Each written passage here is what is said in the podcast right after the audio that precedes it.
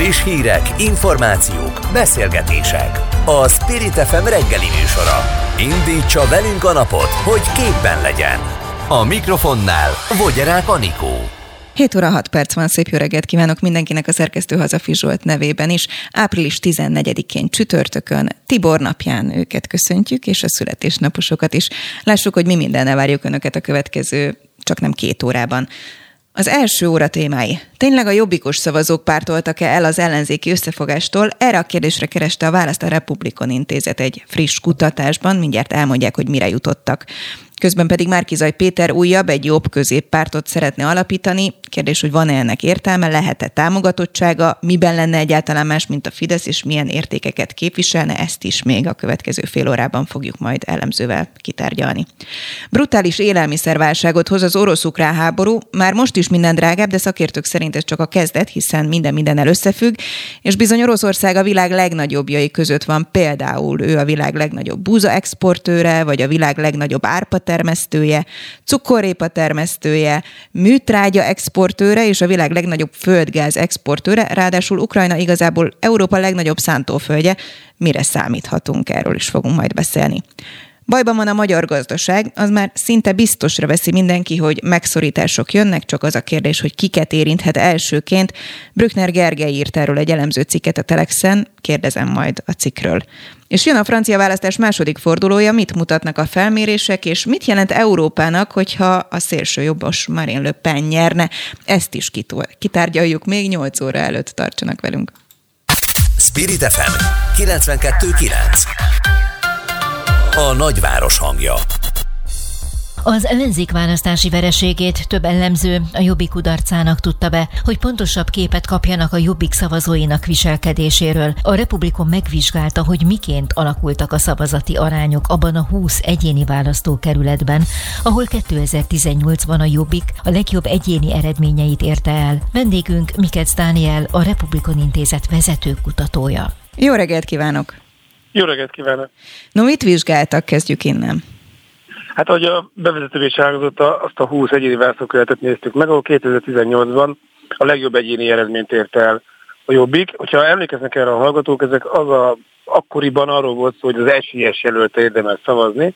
Tehát ebbe bele szerepeltek olyan e, választókerületek, ahol e, úgy tűnt akár az ellenzéki, nem jobbikos szavazóknak feltétlenül, hogy a jobbikra érdemes szavazni, de azért ebben benne van például Dunói város, ahol egyéniben nyert 2018-ban a jobbikos jelölt, és aztán a időközi választáson nyert, de, de most 2022-ben nem sikerült a jobbiknak nyernie.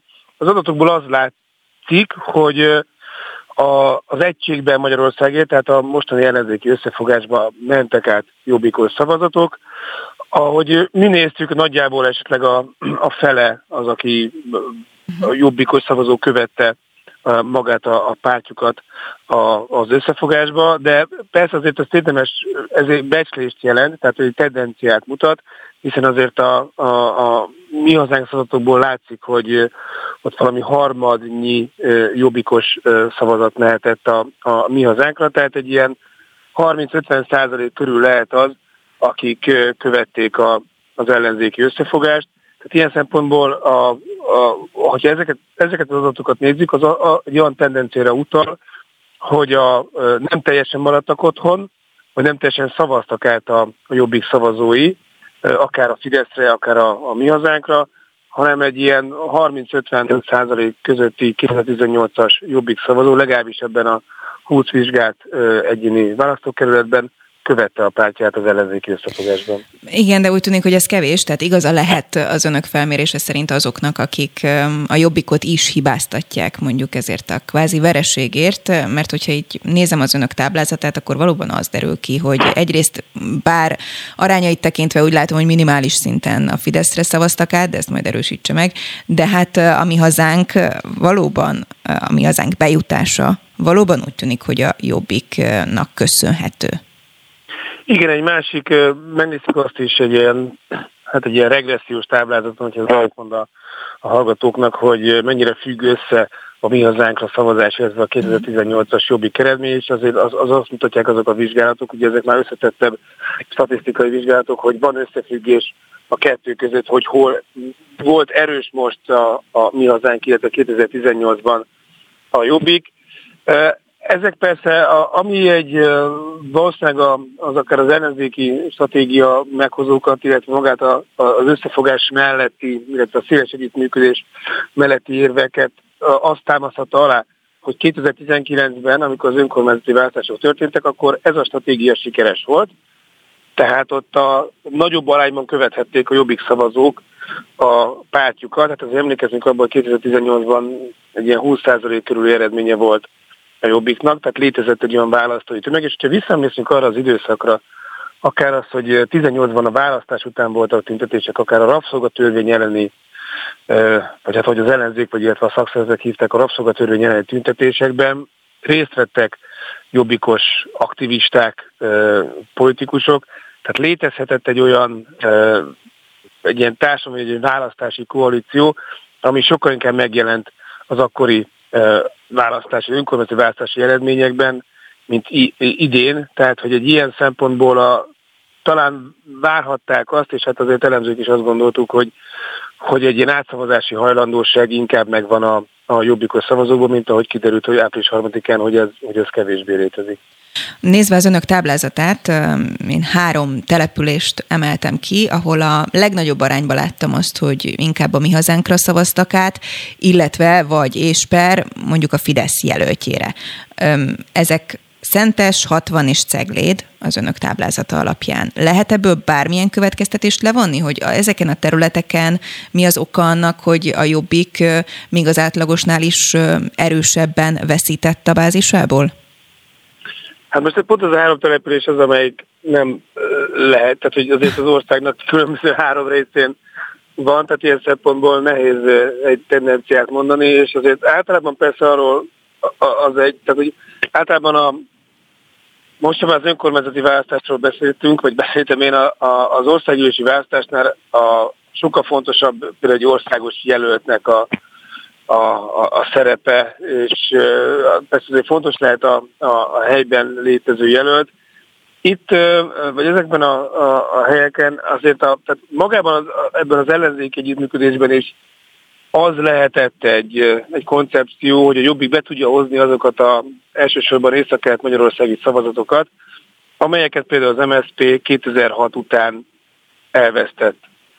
Az, hogy hogy egy, létezik egy ilyen fajta erősebb átszavazás, akár a Fideszre, akár a mi hazánkra a, a volt jobbikos szavazók közül. Ez betudható akár az egyéni jelölt teljesítményének, és hát persze azért betudható annak, hogy milyen helyi hagyományokkal rendelkezik az a, az a település, de ebből az adatokból egy ilyenfajta egyirányú tendencia nem mutatkozik, hogy feltétlenül csak észak Magyarország lenne az, amelyik, ahol valamilyen fajta tömegesebb átszavazás megjelent volna, akár a mi hazánk, akár a Fidesz felé. Arról mi a véleménye, hogy Jakab Péter úgy tűnik, hogy ezt kvázi, hogyha fogalmazhatok, így letolja magáról, tehát ő egyértelműen azt mondja, hogy igazából a vereség az csak és kizárólag a miniszterelnök jelölt személyének köszönhető, és hogyha hibázott ő, akkor az egyetlen dolog az az, hogy engedte, hogy az előválasztáson civil jelölt is megmérettesse magát. Hát a Jobbiknak, hogyha jól tudom, azért lesz egy tisztújtó közülése majd, tehát lesz egy ilyen szempontból magán a párton belül le fogják vonni ezek a konzekvenciákat. Ami, ami nehezíti a jobbik helyzetét, hogy ott van mind a választói, és akár politikusi szinten is egy, egyfajta kiugrási vagy menekülési útvonal, ami a, ami a mi hazánk, és a mi hazánk sikere azt szembe lehet vetni azzal, hogy a néppártosodás az mennyire volt sikeres. Tehát ilyen szempontból a,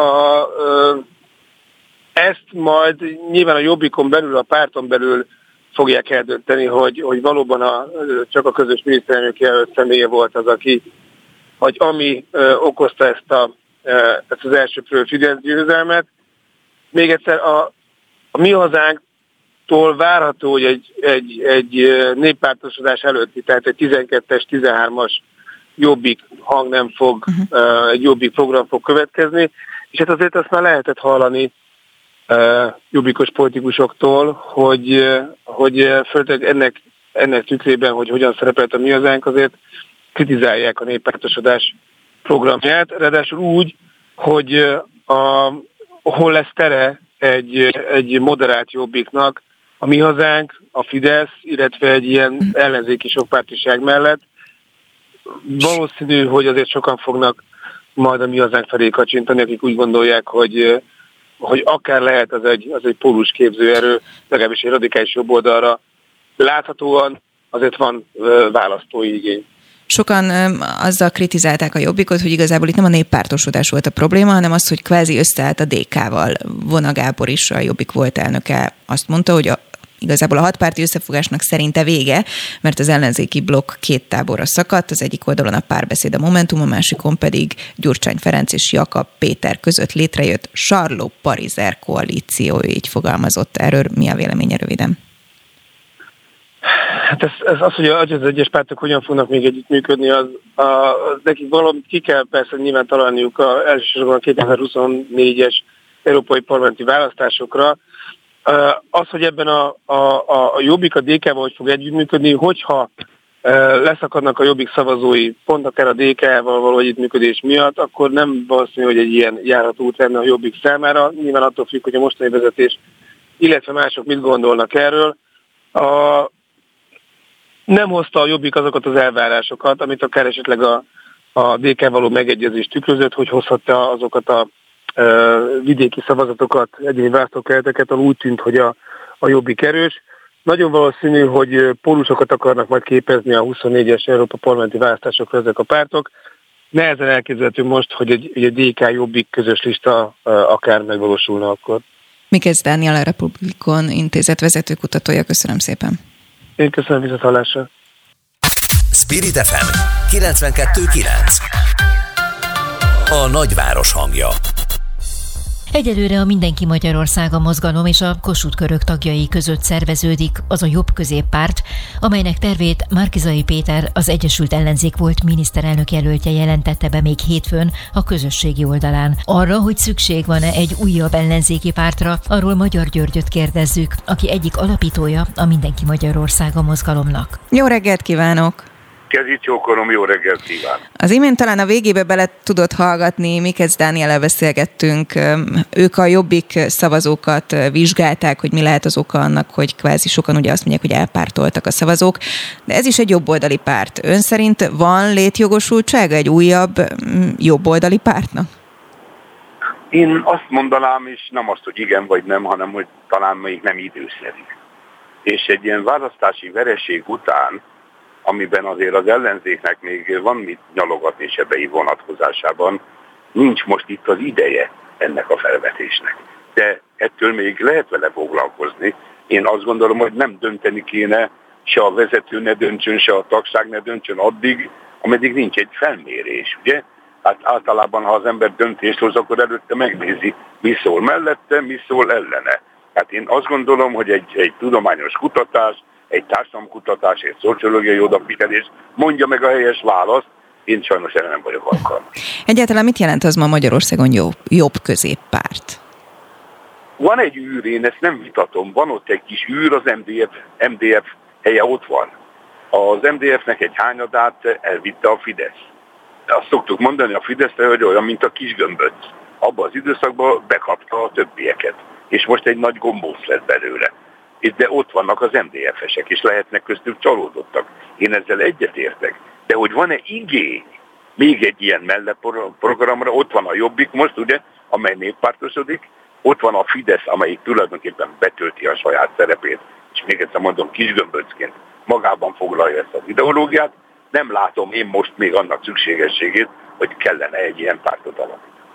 Akkor mi az oka annak, hogy már Kizaj Péter ezzel előjön ilyenkor? Ez így kvázi egy ilyen veresség utáni nem adjuk fel, sőt gondolkodunk új dolgokban? Hogy látja?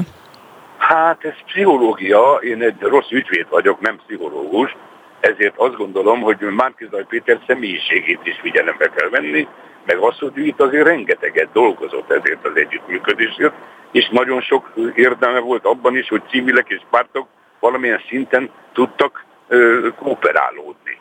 És ez a szinkron az más kérdés, hogy milyen eredménnyel járt, valamilyen szinten őt bevitte a nagy politikába. Azt érzi, hogy van támogatottsága, az előválasztás ezt bebizonyította, igaz? Úgy érzi, van támogatottsága, úgy érzi, hogy erre van igény, és most itt tájékozódik. Én azt hiszem, ez nem eldöntött kérdés, hanem egy igény, amit én azt javasoltam neki is, és a többieknek is, mérjük fel. Mert amikor a közvélemény azt hallja, hogy Márkizaj Pétert hibáztatják, és Márkizaj Péterrel már az eredeti hat párt nem akar nagyon együttműködni, vagy legalábbis egy jó része nem akar vele együttműködni. És a régiek, akikkel ő kommunikált a vonatkozásban, ugye, hogy Pálinkáséknak a pártszerveződése, Gémesi Györgynek a pártszerveződése, majd megalapozza ezt, ők is úgy érzik most, hogy ez nem időszerű. Valószínűleg azért, mert mi lassan idősebbek vagyunk, és azt látjuk, hogy nem kell ebbe beleszaladni, ez nem forradalom. És hogy ki kell ennek érlelődni, ez a megítélés. Hogy látja az elmúlt napokban, most már hetekben megy az egymásra mutogatás. Például ugye pont behoztam azt is, hogy Jakab Péter ugye első percben is elég keményen kritizálta Márkizaj Pétert, most nem régiben az RTL-nek adott interjújában konkrétan úgy fogalmazott, hogy ő mindössze egyetlen hibát vétett, és az az, hogy hagyta, hogy a civil előválasztás, hogy az előválasztásban civil jelölt legyen. Én azt gondolom, kedves Anikó, hogy ez egy önfelmentés. Én azt gondolom, hogy aki kritizál, vagy másban keresi a hibát, az először nézzen önmagába. És akkor kellene olyan nyilatkozatot tenni, hogy én ebben és ebben hibásnak érzem magam, ebben és ebben valószínűleg rosszul mértem fel a lehetőséget, de a másikban is van ez, meg ez, meg ez, előre mutató kritika. Ennek van helye. A pocskondiázásnak, a lejáratásnak, a teljesen hibás keresésnek nincs helye a politikában. Azzal meg nagyon nem tudok egyetérteni, hogy miért engedték be a pártok a civileket. Miért engedték be? Hát mert a civilek vannak benne a társadalomban, nem úgy, mint a pártok. A pártok csak érintőlegesen vannak ott a közéletben, mert ők képviselnek komoly érdekeket, és ők a közélet aktorai.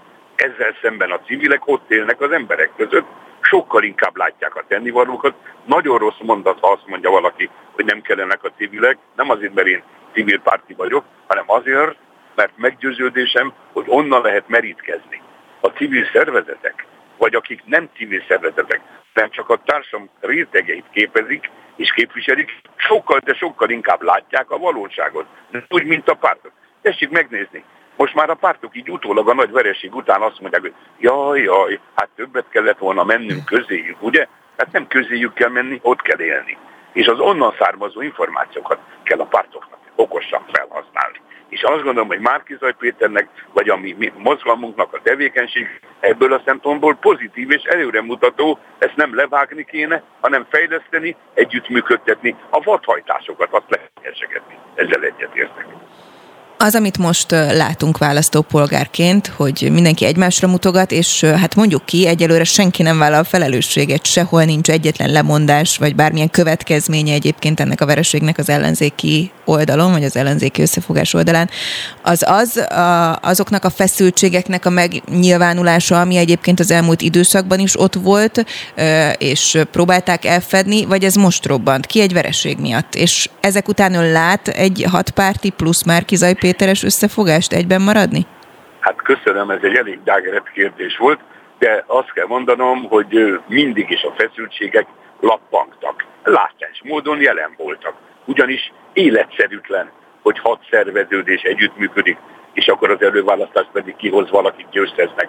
Az emberek akaratából, nem az ő akaratából, az emberek, a választók akaratából, aki nem volt ilyen értelemben bevonva a kezdetek kezdetén, ez egy új helyzet volt, ezt kezelni kellett. De még egyszer mondom, a választási vereségnek nem ez az oka. A választási vereségnek sok oka van, és nem feltétlenül az, hogy a civileket beengedték. És most mondok egy kemény, szegény Spirit Rádió hallgatói talán tudomásul veszik, vagy megértik. A civilek és a pártok időlegesen egy kicsikét cseréljenek helyet. Engedjék a pártokat, vagy a pártok azt, hogy a közéletben a civilek is szerepet vállalhassanak, és a pártok egy picikét menjenek közéjük. az emberek közé. És ez a helycsere, ez a szerepvállalás, ez szerintem jó eredménnyel fog járni. Kérem, két év múlva európai választások lesznek, igaz? Az, hogy Márkizaj Péter most gondolkozik, és megpróbál szerveződni, és Európában valamiféle politikai szerepet vállalni, az nem hiány, az nem hiba. Más a belpolitika, és más Magyarország külső képviselete. Ebből a szempontból tehát én tudom támogatni azt a gondolatot, hogy legyen valamiféle szerveződés mögötte, mert most azt is bebizonyította az hogy pártok nélkül nem lehet a közéletben nagy eredményeket elérni. Tehát az, a szándékát elfogadom, azzal még egy kicsit vitatkozom, hogy ezt társadalmasítani kell, ne egy vezető döntse el, hogy mi történjen a többiekkel, mert aki belépett egy mozgalomba, legyen ez a mindenki Magyarországa vagy a Kossuth kör, az nem feltétlenül azért lépett be, mert jobb középpártba akar menni. Tehát ez úgy működik, hogy aki akar megy, aki akar marad. De én azt gondolom, hogy ezt csak közösséggel, kollektív bölcsességgel lehet kitalálni, alulról kell jönni a változtatásnak, és nem felülről. A kollektív bölcsességben bízhatunk. Nagyon röviden igen nem választal. Ön szerint együtt maradhat ebben a konfliktusokkal teli helyzetben az az együttműködés? Teljesen át fog alakulni az egész ellenzéki holland, teljes struktúraváltás fog következni. Én nem vagyok politológus, de ezt következtetem ki az értékekből. Ez a logikája, hogy strukturális és személyváltozásokra van szükség. Az elhangzott szövegekből is már ezt lehet érezni. Gyurcsány Ferenc meg nyilvánulásai mutatják, gyertek, én is akarok egy kis gömböc lenni, én majd bekapom azokat, akik most az ellenzéki oldalon vannak. A jobbik nem hagyja magát letaposni, a fiatalok, a momentumok szeretnének érreállni, Márkizaj Péter meg akarja mutatni, hogy ő egy alkalmas politikus. Nagy-nagy strukturális átalakítások lesznek. A szocialista párt keresi a helyét, a zöldek keresik a helyüket. Én azt gondolom, hogy négy hónapon belül az ellenzéki oldalon jelentős változások fognak Magyar György ügyvéd, nagyon szépen köszönöm, hogy a rendelkezésünkre állt. Én Szép köszönöm napot. az érdeklődést, minden jót kívánok. Viszontlátás. Friss hírek, információk, beszélgetések. A Spirit FM reggeli műsora. Indítsa velünk a napot, hogy képben legyen. A mikrofonnál Vogyerák Anikó. Ukrajna évente körülbelül 6 millió tonnát exportál étolajból, amivel világ első. Az ország ezen kívül Európa vezető kukorica termelője. Az export azonban az ország kikötőit ért támadások miatt ellehetetlenült. A háború miatt a gabona és a kukorica vetése is elmarad. Mindez a takarmány árát is megemeli. Így az egész kontinensen az élelmiszerek árának emelésére számítanak a szakértők. A részletekről Már Andrást, a mezőgazdasági szövetkezők és termelők országos szövetség Szövetségének főtitkár helyettesét kérdezzük. Jó reggelt kívánok! Kezdő csókolom, jó reggelt kívánok, üdvözlöm a hallgatókat! Sőt, van, aki ennél ugye sokkal komolyabban fogalmaz, azt mondja, hogy brutális élelmiszerválságot hozhat ez a háború, mert most itt a bejátszásban igazából az ukrán oldalt mutattuk be. Én a felvezetőmben elmondtam, hogy Oroszország azért ugyanúgy a mezőgazdaság szempontjából a legnagyobb búzaexportőr, meg árpa termesztő, cukorrépa, műtrágya, amit ma már, ugye már mi magyarok is érzünk. Hogy látja? Én úgy gondolom, hogy két dologról van szó. Az egyik, hogy bizony lesznek országok, különösen az afrikai országoknál, ahol kifejezetten élelmiszerhiány fog bekövetkezni. Egyszerűen azért, mert zömmel ezekről a területekről, amikről ön is felsorolt, szerzik be a szükségleteiket, egy részét. A másik fel a dolognak az ár.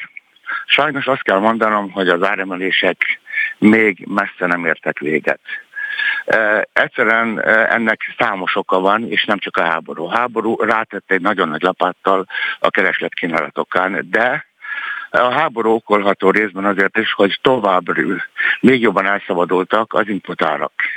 A gázár ugye négy-ötszörösére emelkedett pillanatok alatt, már pedig mondjuk a műtrágyának, a nitrogén műtrágyának ez az alapanyaga.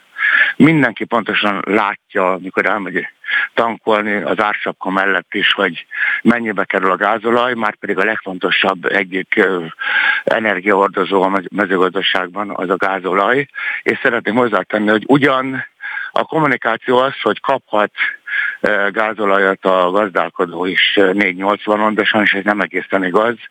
A gazdálkodók sajnos 6-700 forinton szerzik ezt be. Emellett nagyon megváltozott a világpiaci kereslet is, csak egy példát szeretnék mondani, a sertés ára az elmúlt két évben nagyon komoly veszteséget hozott a gazdálkodóknak, egyszerűen azért, mert a kínai kereslet változása okán jelentősen romlott a sertés pozíciója. Most viszont praktikusan pár hét alatt az a német ára, ami a magyar árakat is meghatározza, több mint 60%-kal emelkedett. Márpedig ez sajnos meg kell, hogy jelenjen a fogyasztói árakban, és azt kell mondanom, hogy a, az a néhány termék, az a hat termék, aminek úgynevezett ársapkája van, sajnos összességében nem sokat változtat az élelmiszer árakon, sőt, mert ugye mi történik, ennek a néhány terméknek az ára nem emelkedik, de a többi élelmiszer ár ennél nagyobb mértékben emelkedik. És akkor még hozzá kell tennem két nagyon-nagyon fontos dolgot. Az egyik, hogy az Európai Unió jelentős zöld ambíciókat fogalmazott meg a mezőgazdaságban, ami egész Európa mezőgazdaságát érinti, például ugye a növényvédőszerek és műtrágya felhasználás jelentős csökkenését. Ez termelés csökkenés fog maga után vonni, a termelés csökkenés esetén pedig az árak még inkább hm. elszabadulnak, elszabadulhatnak. Ez egy végeláthatatlan spirál?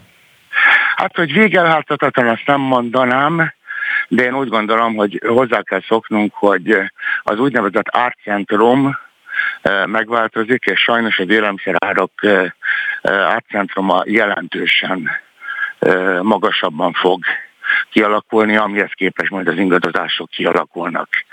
Én azt gondolom, hogy nem is ez a fő probléma, hanem látni kéne még egy dolgot, hogy ez Magyarországon azért nagyon-nagyon problematikus, mert ugye a jövedelmekhez viszonyítottan ez sokkal nagyobb terhet jelent, mint akár Lengyelországban, és Tamás is megdöbbentő dolgot mondtam, de hogyha megnézzük azt, hogy Magyarországon a reálbérek az Európai Unióban talán, ha jól emlékszem, akkor Bulgária és Románia után harmadik legrosszabbak, akkor ez bizony azt jelenti, hogy nekünk sokkal jobban fáj ez a történet, mint mondjuk szerencsésebb Európai Uniós sorstársainknak. Szeretném, hogyha beszélnénk röviden azért az afrikai élelmiszerválságról is, amit ön is említett, és amikor készültem a beszélgetésre, akkor találtam egy adatot, hogy nem csak Afrika, hanem Törökország, Irán, a világ legnagyobb búza importőrei, ők igazából a 60 át ennek Oroszországból és Ukrajnából szerezték be. És akkor nyilván ide sorolják még Libanon, Tunézia, Egyiptom, Jemen, Líbia, Pakisztán. Egy ilyen komoly élelmiszerválság ugyanúgy, én azt gondolnám civilként, és ez egy kérdés, kihathat Európára? egészen biztos, hogy kifoghatni Európára, e, részben az árakon keresztül, mert ugye a keresletet felnyomja. E, na most ezek közül az országok közül, amiket felsorolt, azok az országok, amelyek pénzügyileg jobban állnak, mondjuk Törökország, e, be fogja tudni szerezni a szükségletét, igaz sokkal drágábban, meg lehet, hogy kevesebbet, de máshonnan. Viszont a szegény országok járnak a legeslegrosszabbul, mert nekik erre nem lesz módjuk. Emellett azt is látni kell, hogy itt eh, eh, a probléma nem pusztán az, hogy eh, Ukrajnában a termelés sajnos csökken, hanem ennél sokkal nagyobb baj az, hogy nagyon jelentős készletek vannak Ukrajnában, amik kiszállíthatatlanok. Ugye jól tudjuk, hogy a harcok azok a Fekete-tenger partján most egy kicsit lehetősítő mondom, tehát a kikötőknél zajlanak, tehát hajóba rakni nem lehet az árut. A vonaton történő szállító kapacitások nincsenek meg, tehát ha még ha lehetne is, akkor sincs hozzá elegendő kapacitás. Az pedig, hogy valaki teherautóval elkezdje ezeket az árokat szállítani, hát hogy fogalmazzak, ahhoz nagyon nagy bátorság kell, és én bennem biztos, hogy nincs meg, de lehet, hogy az én hibám és, ezt gondolni. És egyébként sofőrök sincsenek, ugye? Nyilván bajban van a szektor. Doktor még... Már András, nagyon szépen köszönjük, hogy a rendelkezésünkre állt a mezőgazdasági szövetkezők és termelők országos szövetségének főtitkár helyettese. Fogunk még erről beszélni. Én köszönöm szépen, szép napot kívánok! Spirit FM 92.9 A nagyváros hangja Emmanuel Macron jelenlegi elnök nyerte a francia elnökválasztás első fordulóját. Az április 24-i második fordulóban Marine Le Pennel fog megküzdeni. Macron a voksok 27,6%-át kapta meg. Az első forduló több kiesője is arra kérte szavazóit, hogy Macron támogassák. Mindkét jelölt hangsúlyozta, hogy a kampány most kezdődik igazán. Az esélyekről Lengyel Miklóssal a Magyar Rádió korábbi párizsi tudósítójával beszélgetünk majd egy vendéggel odébb, mert most viszont Brückner Gergelyel beszélgetünk, a Telex újságírójával köszöntelek. Jó reggelt kívánok! Kapcsolódva ahhoz, hogy nemrég fejeztük be a beszélgetést Már Andrással, a mezőgazdasági szövetkezők és termelők országos szövetségének főtitkár helyettesével, akivel a brutális élelmiszerválságról beszéltünk, illetve hát ugye azt mondta, hogy egy komoly spirál indult el, aminek majd egyszer vége lesz, de minden mindennel összefügg és iszonyatos drágulás várható. Ezzel is foglalkoztál a cikkedben, például az élelmiszerárak emelkedésével, ugye ami Európát sem kerüli el, és az inflációt még az sehol nincsen, amire még azt hisszük, hogy drágulás. Így van, tehát ugye az infláció érezzük a saját bőrünkön, hogy elsősorban ugye a nyersanyagok, alapanyagok, építőipari alapanyagok, és hát egyre inkább az élelmiszer valóban kétszámjegyű mértékben drágul.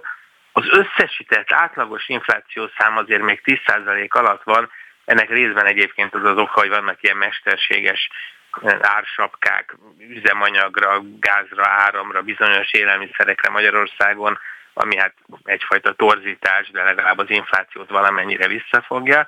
És valóban, hát ha nagyon makroszemlélettel nézem, akkor még azt is mondhatom, hogy nekünk magyaroknak, akik élelmiszerből, mezőgazdaságban erősek vagyunk, az, hogyha a gabona, a kukorica drágul, az még hát valamilyen szinten ugye a gazdaságnak pozitívum is, csak ennél sokkal nagyobb mínuszokat szenvedünk el azzal, hogy az energia például ennyire drága, és hát természetesen a háztartások szintjén meg minden, ami többbe kerül a bevásárló kosárba, az, hát az nem öröm.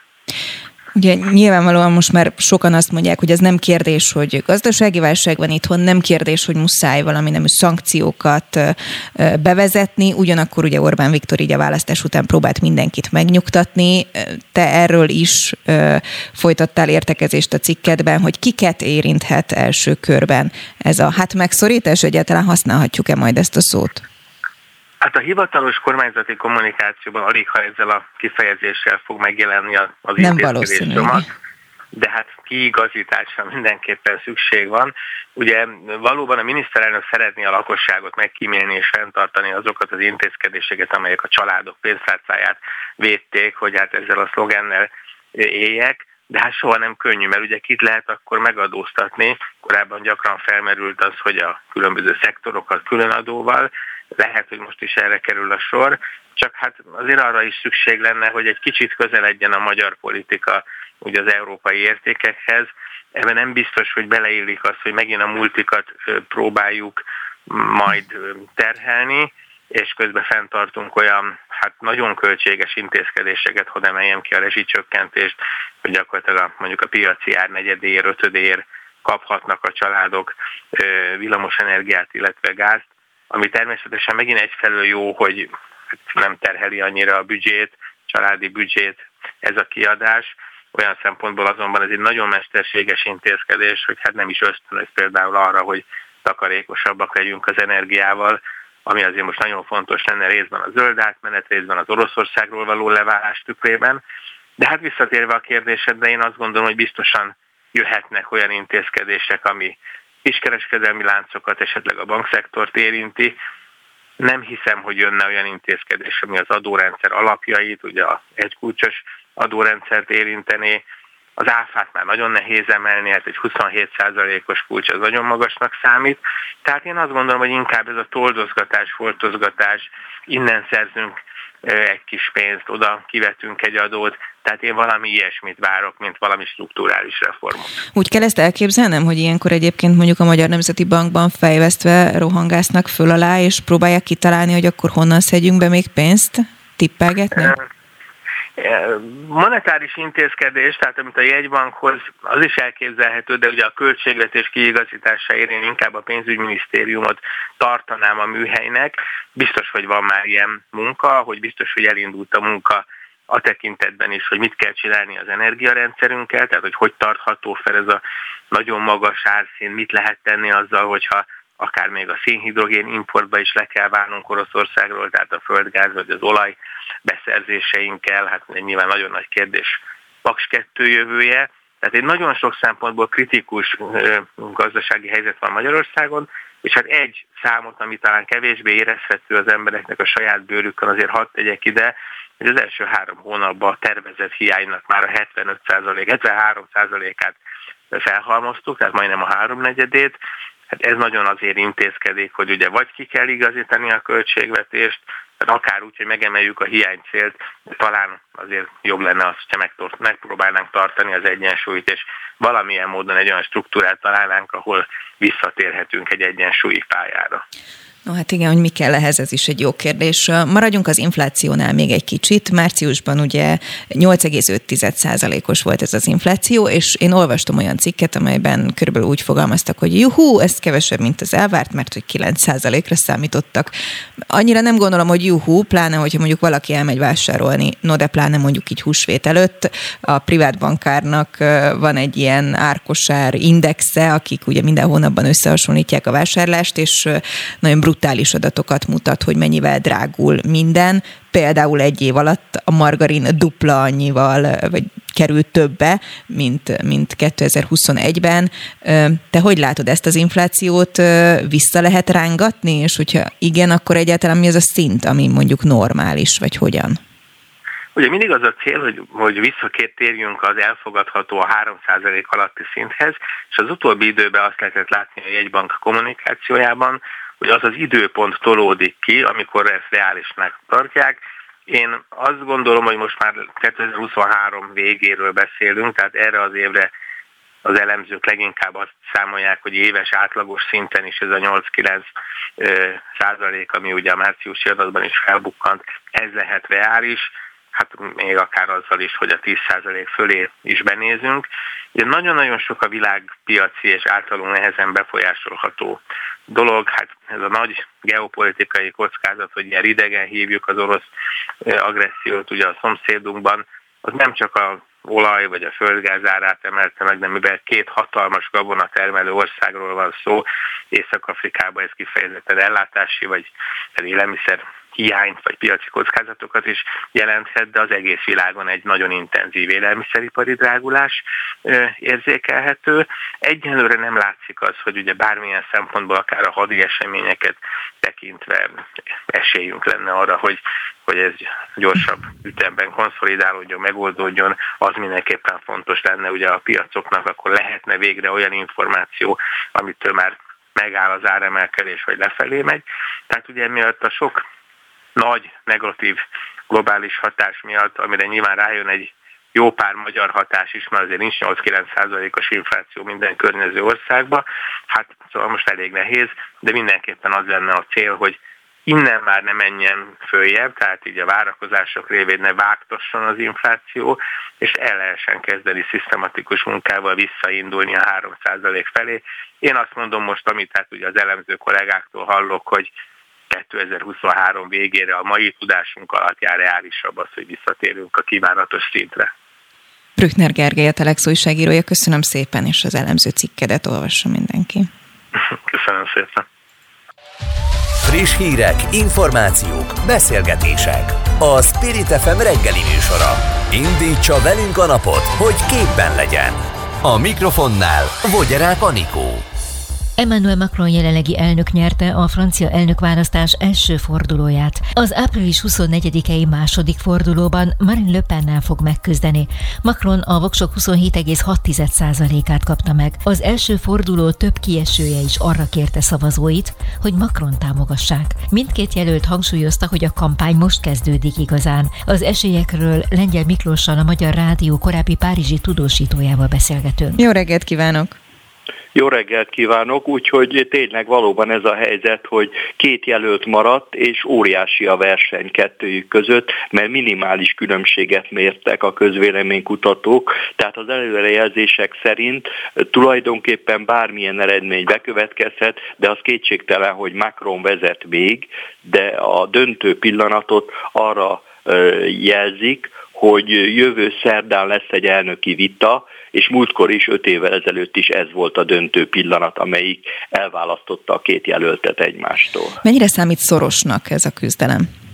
Nagyon szorosnak számít, tehát öt évvel ezelőtt úgy vette mindenki, hogy Macron, aki kevésbé ismert ember volt, még ugye nagyon fiatal, új egykori miniszterről volt szó, öt évvel ezelőtt még akkor volt ez a republikánus egységnek nevezett mozgalom, amelyik arra irányult, hogy ezt a szélsőjobboldali mozgalmat, amelyet Marine Le Pen képvisel, mindenképpen ki kell szorítani abból a szituációból, hogy nem szabad, hogy elnök legyen, mert akkor akkor az a francia alkotmány megváltoztatását jelenti, és ezt ugye a döntő többség nem támogatja. Tehát ilyen értelemben Macron elnöknek nagyon jó esélyei voltak a győzelemre, és ez be is igazolódott. Hát olyan jó eredmény nem értem, mint Jacques Chirac, aki a papát, Löpen papát győzte le annak idején 80-20-as arányban, de döntőfölénnyel tudott győzni. Most viszont nagyon közel állnak egymáshoz, tehát hogyha kevés lesz a szavazó, vagy akármilyen véletlen esemény eldöntheti azt, hogy Marine Le Pen is esetleg nyerhet, de a döntő többség azon a véleményen van, hogy ez gyakorlatilag nem tűnik nagyon valószínűnek. Itt a választásoknál ugye nyilvánvalóan áttematizálta az egész kampányt a háború. Öm, hogyha valaki olvassa a híreket, és mondjuk a francia választásról nem tud, akkor is hallja, hogy Macron milyen szerepet vállal egyébként, és milyen kiállása van így az orosz-ukrán háború kapcsán. Ez segítheti az ő kampányát? Egyáltalán milyen témák határozzák meg a kampányt?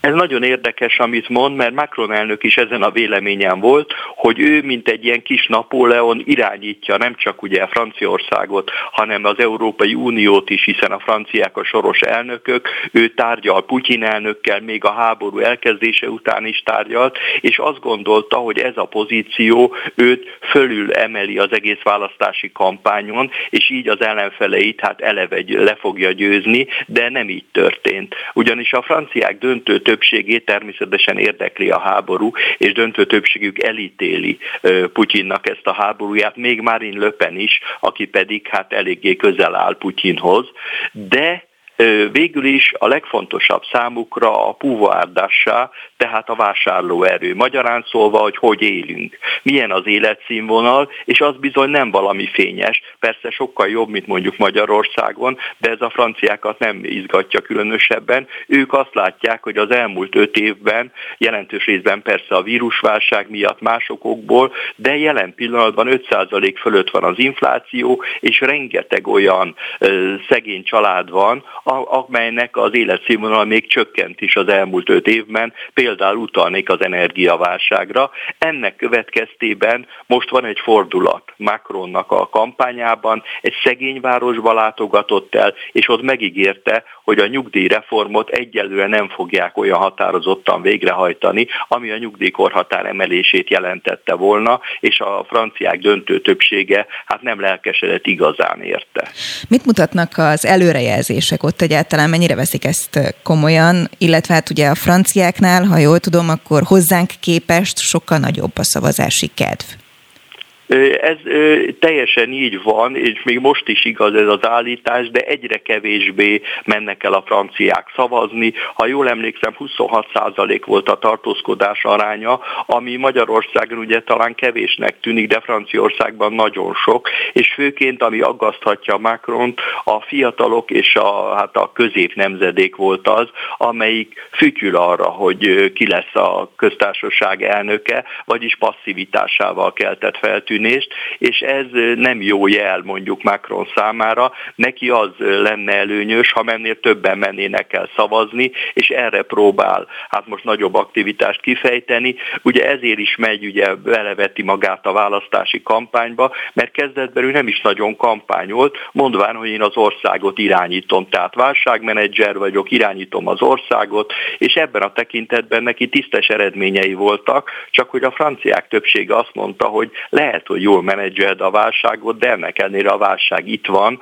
az én családi költségvetésem nem jól alakul, és ebben várnak pozitív fordulatot Macrontól, aki ezt meg is ígérte, hogy ő jobban oda fog figyelni ezekre a szociális kérdésekre, annál is inkább, mert a vetélytársa Marine Le Pen asszony is erre ment rá. A szokásos szélső jobboldali témákat kiegészítette ezzel, régebben csak azzal kampányolt, hogy hát nem kellenek bevándorlók, meg kell szigorítani a külföldiek ellenőrzését, ne kapjanak szociális támogatást a külföldiek Franciaországban, de most egyre fontosabb szerepet játszik az ő kampányában a szociális probléma, a szegények helyzete, tehát azokat akarja megszólítani, akik vesztesei a globális kapitalizmusnak, aki vesztesei a jelenlegi hát gyorsan változó világgazdasági helyzetnek, és a baloldali közgazdász Tomá Piketty föl is szólította Macron elnököt, hogy ha nem csinál valamit, amivel maga mellé állítja a szegényebb társadalmi rétegeket,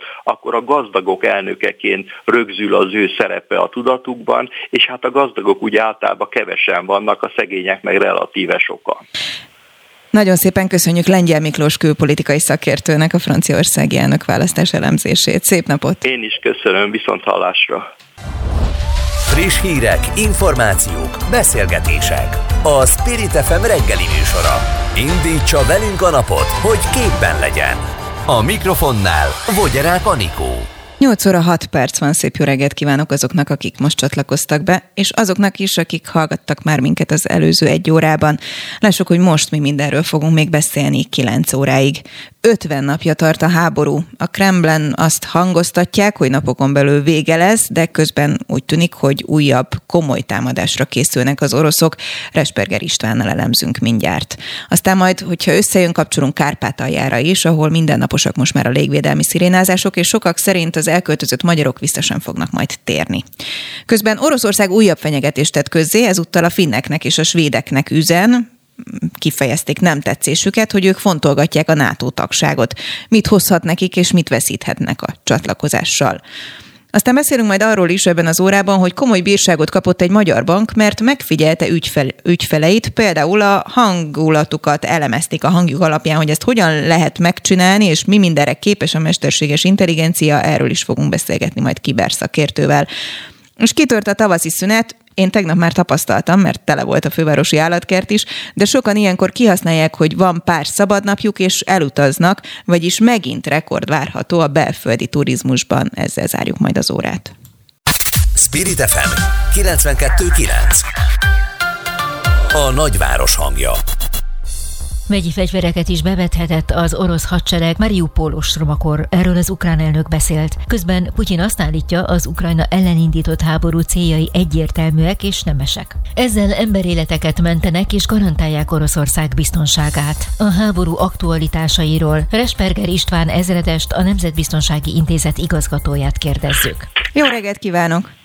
Jó reggelt kívánok, Anikó, üdvözlöm a hallgatókat is. 50 napja tart a háború, és hát egy, nem, nem tűnik úgy, hogy perceken belül vége lesz, holott a Kreml ezt nyilatkozza. Hogy látja? Van arra esély, hogy vége legyen? Illetve hát ugye Macron például azt mondja, hogy konkrétan május 9-én lesz az, amikor majd győzelmet hirdetnek az oroszok, hiszen fontos számukra ez a dátum.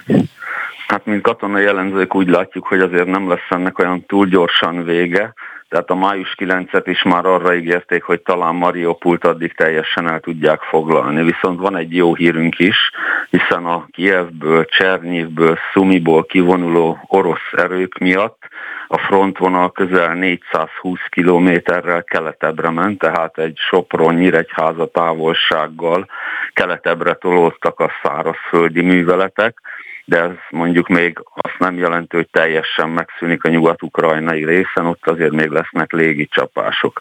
Ezek az kivont orosz erőket újjá szervezték, a Szumiból kivont erőket már rögtön Harkivalát, Izmum térségében próbálják bevetni, illetve Belgorod térségében újjá szervezik orosz területen ezeket az erőket, akik veszteségeket szenvedtek.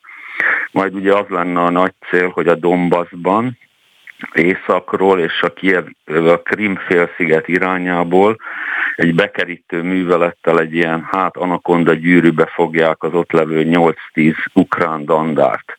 Mivel ezen a területen ugye az ukránok hosszú ideje kiépített védelmi rendszert alakítottak ki, ezért a legóvatosabb becslések is egy-két hónapot mondanak. Ugye Luhansk megyéből közel 93% át a Donetskiből pedig 54% területet foglaltak el eddig az oroszok, tehát még körülbelül 15 ezer négyzetkilométert kellene elfoglalniuk, vagy semlegesíteniük az itteni haderőt, tehát még óvatos becslések szerint is egy-két hónapig eltart, míg leülnek a felek a fegyverszünetről tárgyalni. Ez, ez már az az akció lehet, amit egyébként sok elemző mond külföldön, hogy az oroszok a következő tíz napon belül egy nagyon nagy szabású offenzívát fognak indítani? Igen, ez az, ez a Dombaszi offenzíva, ami megindul majd ugye északról, Harkiv térségéből, a Krimfélsziget irányából előre törő csapatokkal és a Donetsk-Luhanszki térségben levő orosz és szakadár erőkkel egy három irányú támadás. Hogy látja, addig szó sem lehet egyébként a béketárgyalások folytatásáról, és hogyha egyébként lenne, akkor van értelme, hiszen eddig sem láttunk nagy előre mozdulást. Úgy gondoljuk, hogy Putyin most kinyilvánította, hogy nem tekinti komoly tárgyalófélnek az ukránokat, mert egyrészt önmagukkal veszekednek, másrészt nem akarja felfüggeszteni a katonai akciókig a műveleteket, amíg a sikereket el nem érik. Új főparancsnogot nevezett ki a hadszintérre, Dvornyikov hadseregtábornokot, aki 60 éves Oroszország hőse címet kapta Szíriában, Csecsenföldön szolgált, tehát nagyon is döntésre szeretné vinni katonailag ezt a kérdést, és utána fognak egyezkedni, bár folyamatosak az egyeztetések, most már hála Isten szakértői csoportok tárgyalnak arról, hogy mi lesz katonailag, mit szeretnének területileg az oroszok vinni, Ukrajna semleges státusza is szóba van, illetve az is, hogy ugye ezt a NATO tagságról teljesen le kell mondani Ukrajnának. No igen, majd a NATO tagság kapcsán a beszélgetés végén mindenképp érdekel majd, hogy mi a véleménye a finn és svéd esetleges tagságról, de előtte beszéljünk még arról, hogy a közösségi médiában terjed egy videó, amin körülbelül egyértelműen látszik szakértők szerint, és akkor kíváncsi vagyok, hogy mi az ön véleménye, hogy Harkivnál kazettás bombák robbannak fel az úton. Mm, ez elvileg tilos háborúban. Korábban is volt már arról szó, hogy állítólag az oroszok ezt használják, egyáltalán a háborúban létezik-e olyan, hogy tilos. Mi, mi ez a kazettás bomba? A kazettás bomba egy nagy bomba, amiben nagyon sok kis harckocsi elleni rakéta van. Ezeket föllövik, és amikor harckocsi támadás van, akkor ezek ugye a célokra irányulnak. Mind a két fél sajnos nem írt alá azt a szerződést, amiben tiltják ezeknek a fegyvereknek a használatát.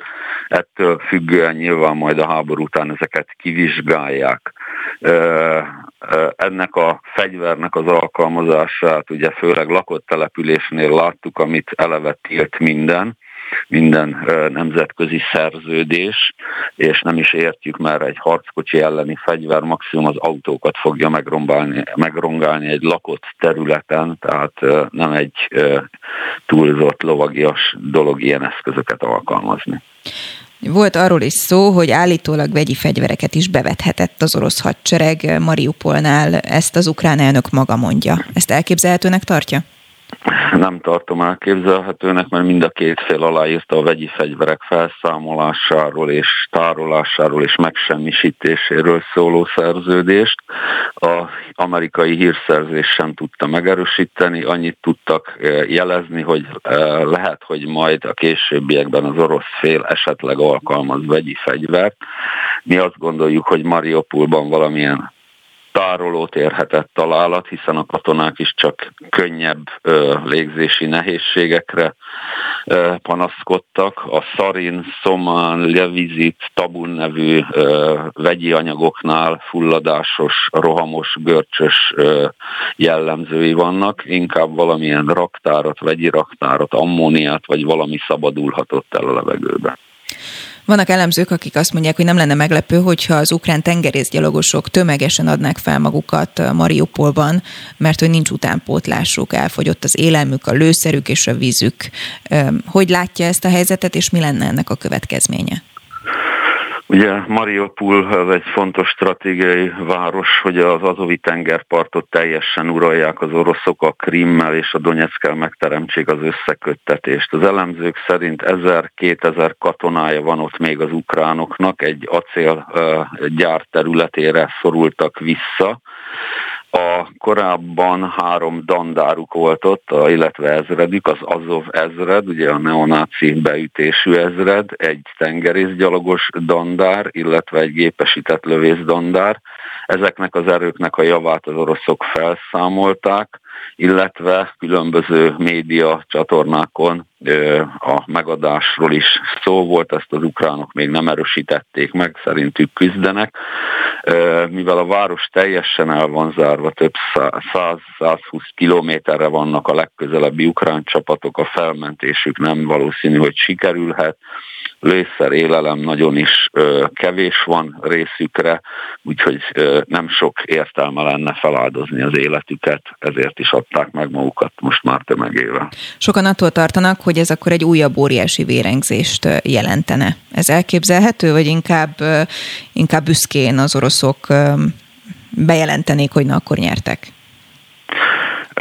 Én nem tudom, hogy lenne vérengzés, hiszen aki hadviselő fél a adott fegyveres konfliktusban és megadja magát, arra a hadifogoly státusz vonatkozik.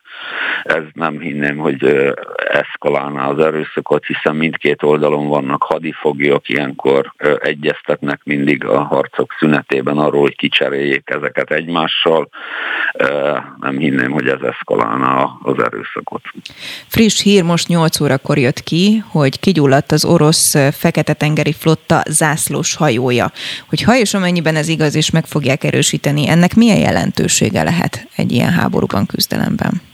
Hát nyilván az ukrán fél nagyon jól alkalmazza az aszimmetrikus hadviselést, azaz a különböző rajtaütéseket. Már Bergyansz kikötőben is egy aligátor típusú partra szállító hajót támadtak meg. Itt is valószínűleg az ukrán különleges haditengerészeti egységek hajtottak végre valamilyen támadást, vagy esetleg a tocska rakétával támadhatták meg a hajót. Nyilván az zászlós hajó azt jelenti, hogy azon tartózkodik a haditengerészet, orosz haditengerészeti erők főparancsnoka, ez nagyon jelentős a vezetés szempontjából, tehát ez egy súlyos veszteség lenne az oroszoknak. Mindeközben úgy tűnik, hogy Franciaország tovább segíti Ukrajnát, eddig is már 100 millió eurónyi katonai felszerelést szállítottak nekik, és nem állnak meg. Több ország tesz hasonlóképpen. Meddig lehet az ukránokat segíteni, pótolni egyébként a hiányzó vagy kiesett eszközöket? Mekkora segítség ez egy ilyen háborúban? Ez egy fontos segítség, hiszen nyilván lőszerhiány van, óriási távolságok vannak Ukrajnán belül, hiszen 1316 km a kelet-nyugati kiterjedése, és gondoljunk bele, hogy a beérkező katonai szállítmányokat, ha eljut Kievig is, onnan még 6-700 kilométerre el kell juttatni a Donetsznél harcolóknál. Úgy látjuk, hogy nagyon sok fegyverszállítmány érkezik, ebből vannak részek, amit megsemmisít az orosz légierő, voltak bázisok, amiket már elfoglaltak, ez elmélyíti és el meghosszabbítja a fegyveres küzdelmet az ukránok részéről.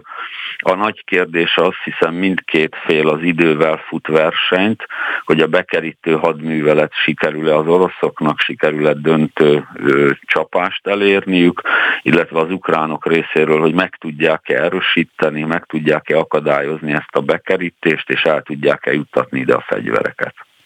Hogy látja az, hogy Finnország és Svédország fontolgatja a NATO tagságot?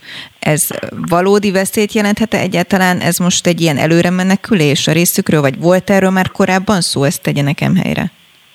Korábban ugye már volt szó egy esetleges csatlakozástól, ez egy államnak a szuverén joga, hogy ő csatlakozni akar egy ilyen szervezethez. Itt a befogadó védelmi katonai politikai szervezetnek is ugye meghívást kell közölni az ország felé. Azt tudjuk, hogy a semlegesség egyedül a világban az nagyon ö, ö, drága dolog, hiszen egyedül kell egy országnak a teljes védelméről gondoskodni. Ezek az országok országok nagyon nagy egyfőre eső GDP-vel rendelkeznek, Finnország és Svédország is közel 60 ezer dollár per fő GDP-vel rendelkezik, nagyon kis haderőt tartanak fel, általában 10-14 ezer főt, ők a területvédelmet részesítik előnyben és a mozgósítást. Tehát azt jelenti, hogy a 14 ezer fős haderőt háború esetén tízszeresére növelik, közel 140-200 ezer katonát kell mozgósítaniuk és megvédeni az országot, viszont ehhez minden hadi anyagot saját maguknak kell tárolni logisztikailag. Nyilván sokkal előnyösebb, hogy egy ország csatlakozik egy védelmi szervezethez, hiszen akkor számíthat a többi ország védelmére is. A másik fontos, hogy Ausztria Ausztria és Svájcot kivéve, ugye nekik nincs nagyhatalmi garanciájuk arra, mint semleges országnak, hogyha támadás éri, akkor őket valaki megsegíti. Így, hogyha bekerülnek a NATO-ba, ez egy hosszú felvételi folyamat, akkor ugye az NATO 5. cikkeje szerint, ha támadás éri őket, akkor a többi ország köteles a segítségére sietni. Resperger István, nagyon szépen köszönöm a rendelkezésre állást. Szép napot! Köszönöm szépen, szép napot kívánok! Spirit FM 92.9 A nagyváros hangja 250 millió forintos bírságot szabott ki az adatvédelmi hatóság egy meg nem nevezett magyar bankra mesterséges intelligencia jogszerűtlen használata miatt. Az ügyfeleinek hangulatát elemezték a hangjuk alapján. Bár sokan nem tudják, de a mesterséges intelligenciával szinte az élet minden területén találkozunk. Péter Kovács Zoltán, kiberbiztonsági szakértő a vendégünk. Jó reggelt kívánok! Jó reggelt! Sokan igen, megrendül a szemöldökünk, amikor egy ilyen hírt hallunk, azon túl, hogy nyilván mindenki kíváncsi lenne arra, hogy vajon melyik magyar bankról van szó, ami nem fog kiderülni valószínűleg, vagy csak plegykák által, de hogy a hangom alapján beazonosítja azt, hogy milyen hangulatban vagyok, hogy ez egészen elképesztő, nem? Ö, igen, egészen elképesztő, de azt azt hiszem elmondhatjuk, hogy a, a, ahogy fejlődik a technológia, és különösen ez a terület a mesterséges intelligencia, egyre többször futunk bele ilyen gyakorlatilag eredményekbe, vagy szó, vagy lehetőségekbe úgymond a technika oldaláról, ami, ami pár éve még el sem tudtunk képzelni. Megdöbbentő lehet, igen, de az igazság, hogy hogy a, a mesterséges intelligenciának, illetve a, ennek a technológiának a fejlesztésének a különböző területei a minta, mintafelismerési képességekkel gyakorlatilag nagyon sok olyan új dologra fognak tudni, olyan, sok, nagyon sok olyan problémára fognak tudni új megoldást adni, ami, amire, amire el fog kerekedni a szemünk, erre készülhetünk. No, mire lehet következtetni, vagy mire jó egyébként egy ilyen mesterséges intelligencia cégeknek? Innentől kezdve mondjuk egy hang alapján meg tudják azt ítélni, hogy, hogy akkor én hajlandó vagyok-e mondjuk többet vásárolni, vagy milyen termékek azok, amik számomra érdekesek lehetnek. Mi mindenre használható ez? Valójában ez még igazából mesterséges intelligenciára sincs szükség, Ugye ez a normál ugye, netes viselkedésünk, illetve napi szintű internetes felhasználásunk alapján már nagyon jó ki tudják következtetni algoritmusok, ezzel azért mindannyian találkozunk. Ezek, ezek még nem is ez a kategória. Tehát a, a, ami, ami szerintem ebben itt ilyen megdöbbentő lehet, meg új lehet, hogy, hogy azt társítjuk a, a, az érzelmek felismeréséhez, hogy ez egyfajta ilyen gondolkodási képesség. Tehát valójában van egy olyan érzésünk, hogy ezt ember tudja csak felismerni, hogy milyen milyen de ember tud következtetni a hangunkban a hordozott érzelmekre, de, de hát ez igen hosszú folyamat eredményeképpen, de igenis algoritmizálható. Tehát az, hogy, az, hogy nekem éppen mikor van szükségem, azt mondom, ahhoz igazából a, a, a, akár, csak, akár a Google, a Facebook, ezt már számtalan szó, ugye különböző helyeken beszélték is, kollégák is, mi is beszéltük, azok a, csak, a, csak a tevékenységeink alapján már meg tudják jósolni, hogy valójában mikre, mikre vágyunk mostanában, mikre vannak szükségeink, és mondom, ehhez még mesterséges intelligenciára sincs szükség. Egy barátnőm mesélt évekkel ezelőtt arról, név nélkül egy nemzetközi cégnél volt moderátor, ilyen háziasszony, és mondta, hogy egy olyan hűtőt mutattak be éppen, amelyik ugye mesterséges intelligenciával össz, van összekötve, meg az én mondjuk Facebook profilommal, és hogyha én azt mondom, hogy meghirdetek egy eseményt, hogy ma este nyolckor nálam házi buli lesz, akkor mindent elintéz a rendszer, hogy mire én hazaérek, addigra a meghívott vendégek kedvenc számaiból összeállított tracklista ott van, hogy a hűtő az, az berendeli gyakorlatilag az adott áruháztól, webshopon keresztül mondjuk az én általam meghívott emberek kedvenc italait, ételeit, amelyet hátulról be tudnak pakolni. Tehát egy egészen szürreális világot írt le, sok évvel ezelőtt, ami már akkor valóság volt. Ez a jövő, vagy ez a jelen? Igen, és ezt céloztam itt az elején, hogy, uh, hogy ami, ahol most tartunk, a, fel, a gyakorlati felhasználás területén, annál természetesen a kutatások jóval előrébb tartanak. Van már jó pár éve egy olyan algoritmus, ez a GPT-3, már a harmadik verziónál tart, ami nek a feladata, erre fejlesztik, tréningezik, szó szerint tréningezik ezt a ezt az algoritmus, hogy olyan szövegeket tudjon gyártani egy megadott témáról, amely, amely már megkülönböztethetetlen egy ember által gyártott szövegtől. Tehát az ilyen magas szintű, mm, tényleg mm, nagyon komoly kognitív képességeket igénylő szellemi úgy munkát is szinte már-már ki tudja váltani, mint például egy cikknek a megírása. És ez a, ez a GPT-3, ez, ez nem egy ez egy működő dolog. Tehát a fejlesztés, hogy éppen hol tarthat a következő verziónál, azt elképzelni se tudom. Tehát ö, azt várható, igen, hogy, hogy, hogy nagyon sokszor fog elkerekedni a a következő években. Mint ahogy mondjuk innentől kezdve izgalmas kérdés lehet az is, hogy mondjuk egy szakdolgozatot egy programmal megíratok, és onnantól kezdve ezt ki fogja mondani, hogy plágium. Például, bizonyám például ez is, ez is egy nagyon jó kérdés lesz a közeljövőben. Hogyan látja ezek egyébként felhasználói szinten, mikor jelenhetnek meg?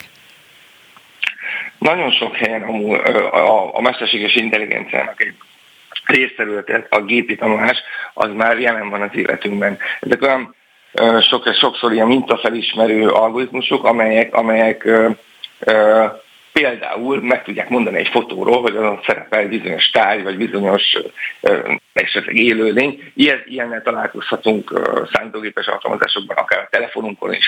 Tehát nagyon sok ilyen már részt vesz úgymond az életünkben, könnyebbé teszik az életünket, és nagyon sok pedig még majd a közeljövőben fog ugyanígy bekúszni úgymond az életünkbe.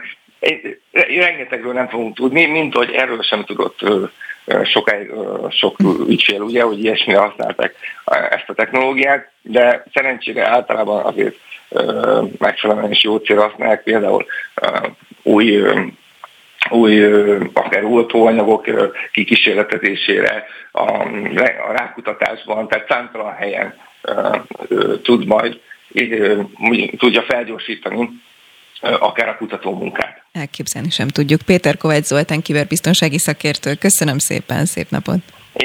Én is köszönöm szépen, szép napot viszontlátásra! Friss hírek, információk, beszélgetések. A Spirit FM reggeli műsora.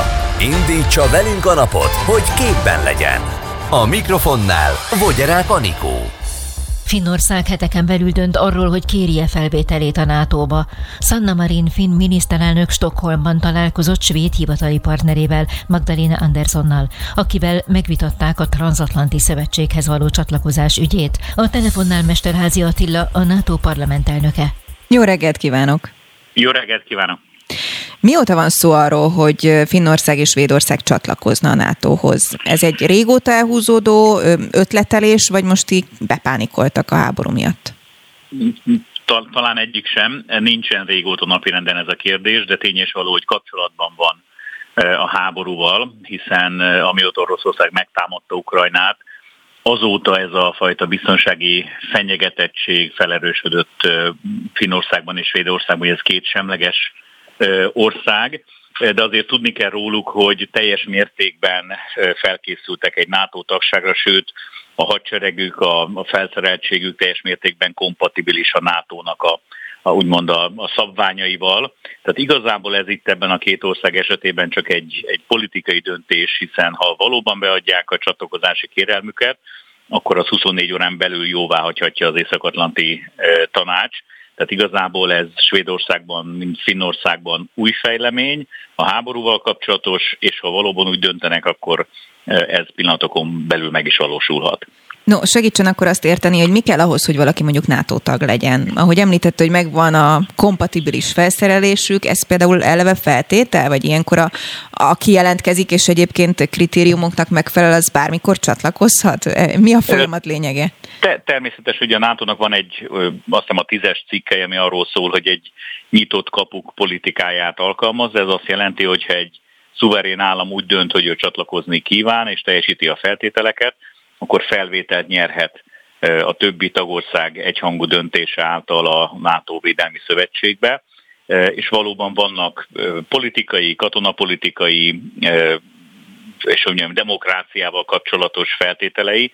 Most ezek ugye Svédországnál, Finnországnál mind fennállnak, tehát ilyen típusú probléma nincsen, de tény és való, hogy ez egy történelmi változás, olyan súlyú történelmi változás, mint amikor Németország itt a háború elején úgy döntött, hogy szállít fegyvereket Ukrajnába, illetőleg, hogy megerősíti a saját hadseregét, ugye ez egy 50-60 évvel ezelőtt meghozott német doktrinának a felülírását jelenti.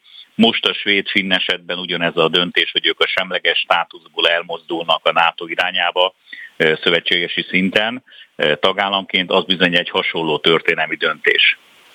No hát Oroszország nem volt rest már kifejezni a nem tetszését. Konkrétan úgy nyilatkoztak, hogy ha két ország csatlakozna a NATO-hoz, ez megbontaná Európa stabilitását, és a Kreml szóvivője úgy fogalmazott, hogy hát amennyiben a két ország csatlakozik, Oroszországnak a saját eszközeivel ki, kell kiegyensúlyozni ezt a helyzetet. Hát ez egy nem kis fenyegetés.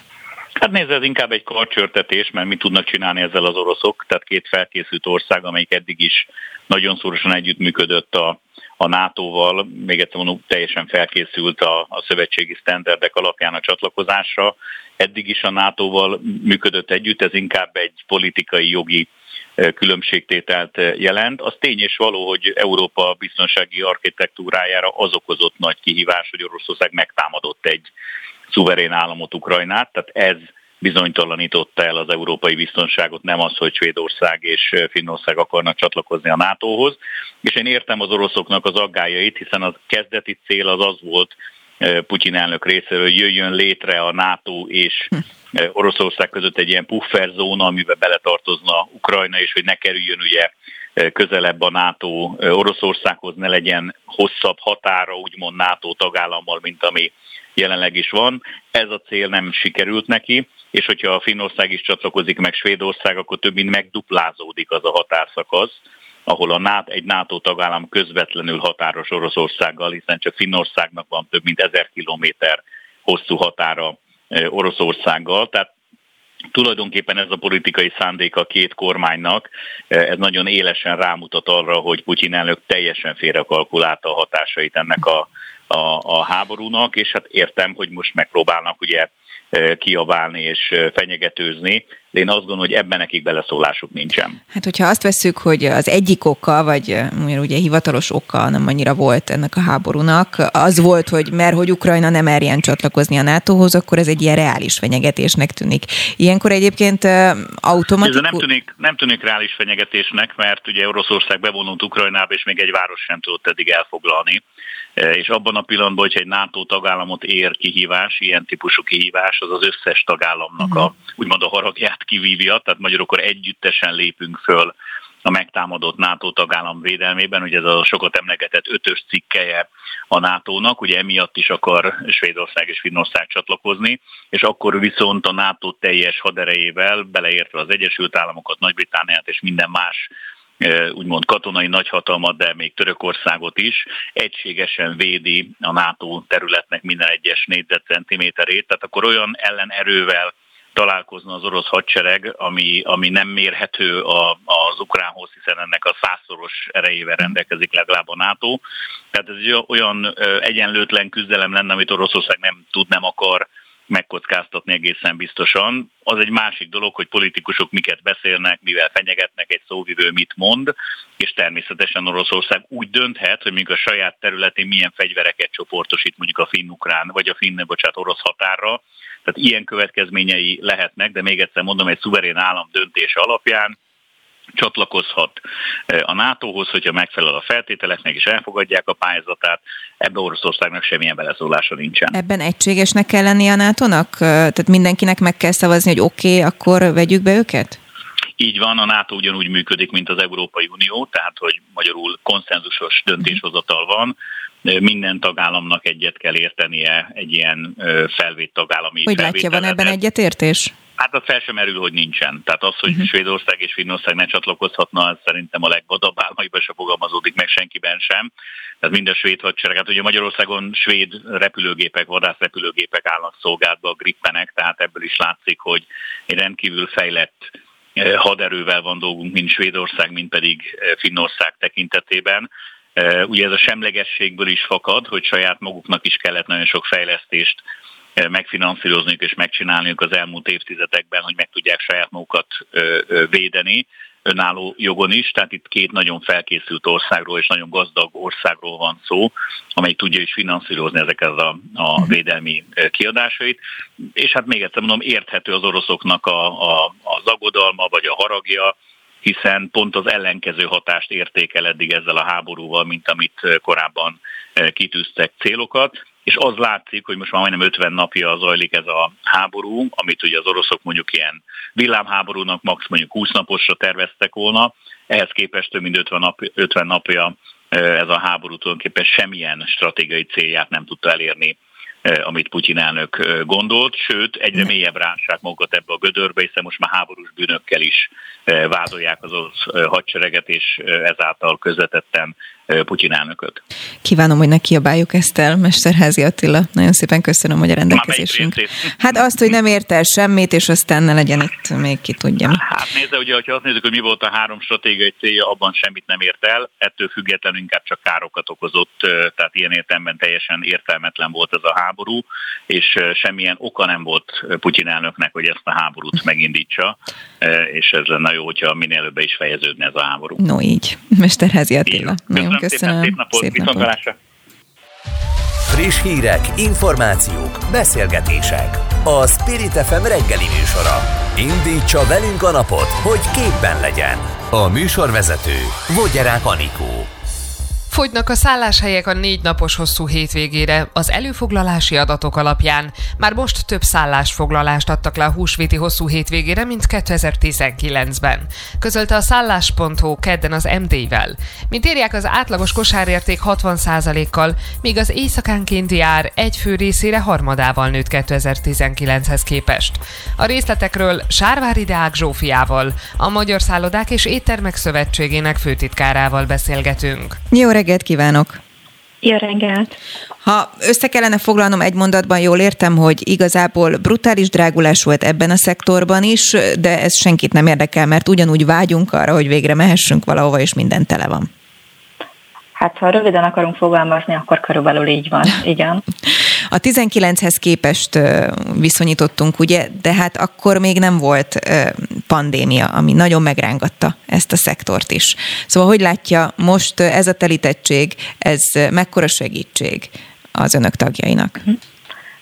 Ez a húsvéti időszak, ez, ez pandémia előtt is ugye egy kiemelt időszak volt, főleg, hogy a tavaszi szünet is követi majd.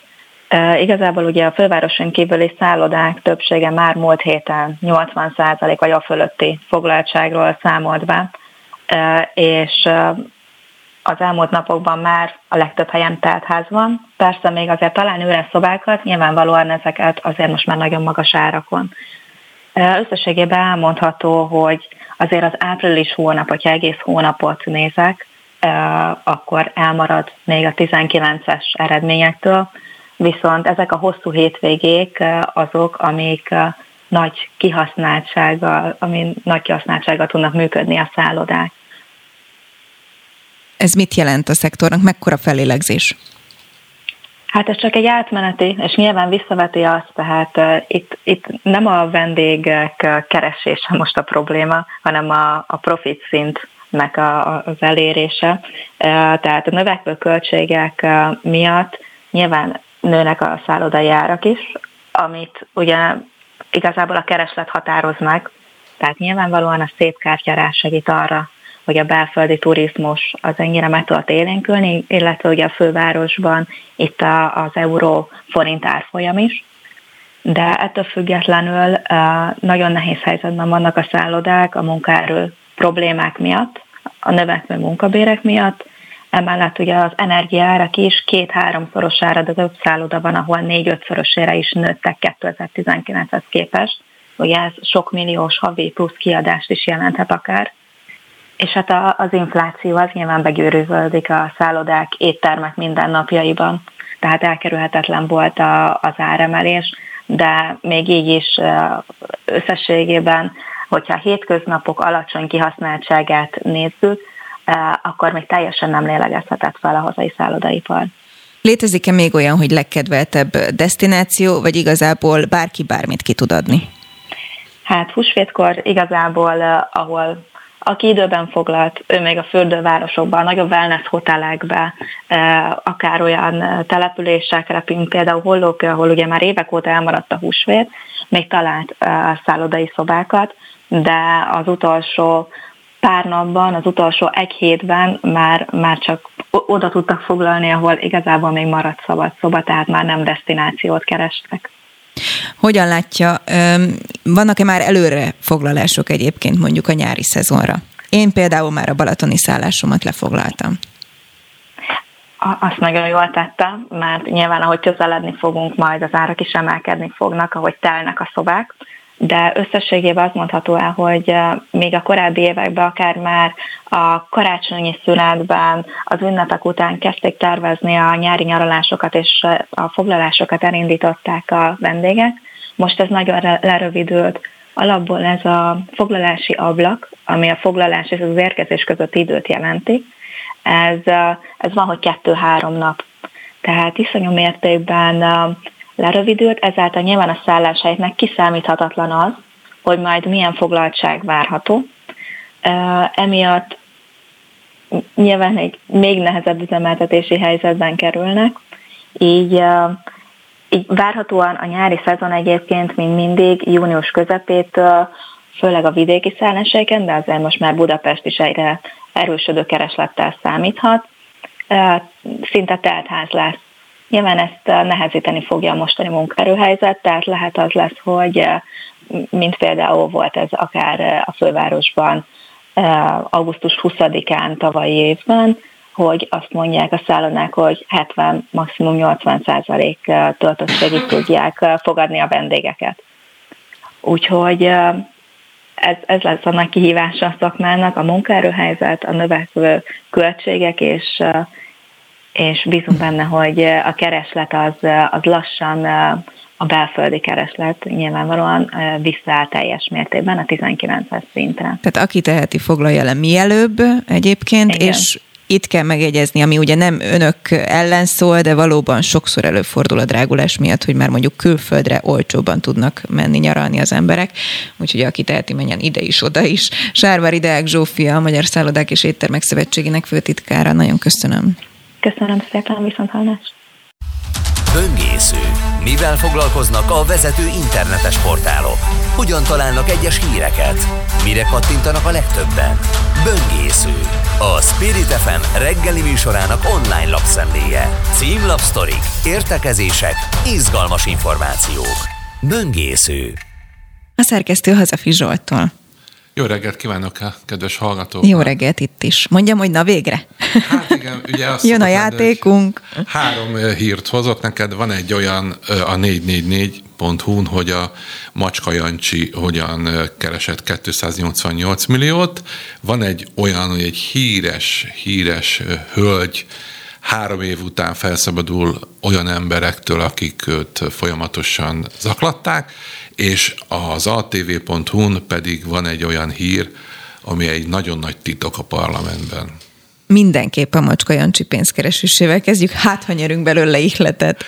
Nem feltétlenül követendő példa, illetve hát nem járt jól a Macska Jancsi. A 444.hu egy ilyen nagy számlagyáros történetet dolgoz fel már hónapok óta, hogy van egy számlagyár, és abba volt már egy madárnevezetű ember korábbi cikkekben, akit igazából csak a kokózás, a tehát a kokainfogyasztás, a gyúrás és a BMW-k érdekeltek, e, és ilyen számlagyárat működtetett, és most van egy ilyen alfejezete ennek, hogy van egy olyan figura, akinek azt a nevet adták, hogy Gecko, e, és ez az ember, ez, ennek volt egy e, ilyen kondi cége, de ő is benne volt egy ilyen számlagyáros üzletbe, és kapott, pályázott 288 millió vissza nem térítendő támogatást kapott. Elnyerte? Elnyerte, Na azt hát. el is tűnt a cég. Na hát. De az a legszebb, hogy el kellett menni egy ilyen, ilyen hitelközvetítő céghez,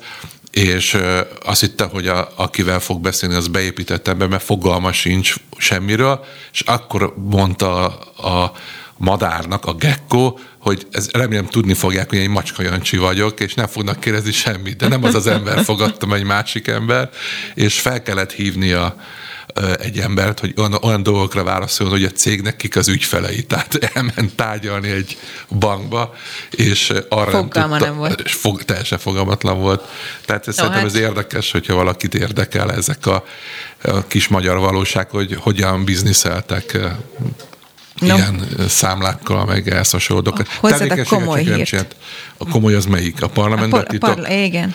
Az atv.hu az ATV híradónak a hírét hozza, hogy, hogy kiderült, hogy a Transparency International az megkérdezte az összes frakciót, hogy a jövőben fognak-e foglalkoztatni képviselőnek, politikusnak a rokonát hozzátartozóját, és nem kaptak érdemi választ. Egyetlen párt sem ígérte meg, hogy a frakcióban nem alkalmaznak képviselő rokonokat, miközben a törvény tiltja ezt, hogy a képviselő saját rokonát alkalmazza, viszont a kúria hozott egy olyan döntést, hogy az országgyűlés hivatala nem adhatja ki már a frakció munkatársainak a nevét. Tehát ez egy ilyen rókafogta csuka, vagy hogy szokták mondani, tehát elméletileg nem alkalmazhatja, de ha alkalmazza, nem derül ki. No, tessék. És volt még a, az a másik Az a bizonyos, történet. a másik. Na, gyorsan. A naphíre. naphíre. A Barás Klári, a Korda oh. Gyuri bácsinak a felesége. Három éve zaklatták, olyanokat kapott, hogy kicsinálunk téged, hallom, beteg Na. lettél, remélem belehalsz, elege lett, rendőrséghez fordulsz, kiderült, hogy egy női brigád az, aki rászállt, a Gyuri bácsinak soha semmi rosszat nem írtak, csak mindig neki, és most van róla a papírja, hogy ők nem zaklathatják ezek az emberek. De hát ez egy érdekes, Ezt gondolom, hogy... Nem, nem azt jelenti, hogy nem is fogják. Hát lehet, hogy, hogy, hogy haragudtak arra, hogy a Korda György a Klárikát vette el, és nem őket. Vagy hát az ő... örök szerelem. Igen. És közben megérkezett Eldézsi Zoli, aki itt fel is sziszent, hiszen a retro királynak a Korda Balázs Klári házaspár nyilván sokat mond. Róluk gondolom, hogy ma nem lesz szó. Hát nem, de szívesen dolgoznék velük bármikor. Egyébként egyszer megkérdeztem Geszti Pétert, hogy melyik élete leglidércesebb emléke, és azt mondta, hogy az a videóklip, amelyben Korda György félmeztelenül kerékpározott nagy melszőrzettel. Tehát azt mondta, hogy Geszti, hogy ezt soha nem fogja elfelejteni, és álmaiba Mindenhez is elő. tud kötni. No, mi lesz nálad a bistróban? Hát 6 perc múlva. 6 perc Öt. múlva, akkor gyors lesz. Négy. Szóval, hogy egy kicsit keverni fogjuk a retrót és a mai dolgokat, mert hogy most mind a kettőből jut bőségesen. Először is majd Benkő Péter színművész lesz a vendégünk, Akitől a többi között azt is megkérdezem, hogy igaz-e az, hogy a Koppányi Aga Testamentuma című film forgatásán Mádi Szabó Gábortól, aki a gonoszt alakította, akkor a pofont kapott, hogy kis hiány a mentő vitte el. Egyébként igaz, lelövöm a poént. No. Amúgy pedig szintén a retrohoz kötve itt lesz egy olyan úriember, akit én nagyon tisztelek a retro szeretete miatt, akinek sokkal több mindene van, mint nekem, ami már önmagában sem könnyű feladat. Tehát olyan ember ő, hogyha azt mondom, hogy kellene egy skála kópi 1978 2008-ból az a bizonyos figura, ami a reklámokban oh. szerepelt, akkor azt mondja, hogy melyik kiadást kéred, a januárit vagy az És megszerzi? Nem megszerzi, megvan neki, tehát mondjuk pont skálakópi figurából szem három van neki, de azt mondod, hogy kell az 1972-es Ludas Matyi május 12-i, 12-i szám, akkor benyúl a fiókba, és kiveszi Szántó Sándornak hívják, egyébként stand is itt nálunk az ATV-ben is sokszor szerepelt korábban. Szóval ezek lesznek a retro dolgok, aztán utána egy picit szolgáltatunk is, mert hogy jön a kerti sütögető szezon, egy séf fogja elmondani, hogy milyen húst használjunk, milyen tüzelőanyagot használjunk, mekkora lángot építsünk, és a többi, és a többi, és még külön fölhívnám a figyelmet arra, hogy lesz két klip premierről is szó. Az egyik egy vidámabb, ezt a többi között Antal Timi az X-Faktor második helyezettje adja elő, a másik pedig egy szomorúbb, az pedig a Dirty Sleepers és Könycseppek című, és természetesen a háború ellenes dalról van szó, amelynek a videoklipjét a Csepeli bunker rendszerben forgatták, ami szintén nagyon retro dolog. Kerti parti, úgy tartanék már ott, nem, hogy kerti parti van valamelyik este mentem haza későn, és vacogva álltam egyébként a villamos megállóban, és akkor gondoltam bele, hogy így annyira várom, hogy az legyen, hogy így nem, hogy nem vacogsz, hanem meleged van. Akkor és mennyire az mások vagyok, mert engem meg a bunker fogott, meg a Csepeli bunker. Hát kinek hogy ugye az érdeklődési kör. Hát tulajdonképpen van bunker is, meg magának a Csepel műveknek a régi épületei egy része is ma már bunkeré alakult. No hát erről akkor bővebben a bistróban. Én köszönöm szépen már a figyelmüket Hazafi Zsolt szerkesztő nevében, és Tóró Niki segédszerkesztő nevében is. A technikai ügyekben Kátai Kristóf segített itt, hogy a bejátszók a helyükön legyenek mindig pontosan. Legyen nagyon-nagyon-nagyon szép napjuk, meg hát hétvégéjük is, mert hogy legközelebb kedden lesz aktuál, akkor találkoznak velünk. Viszont hallásra!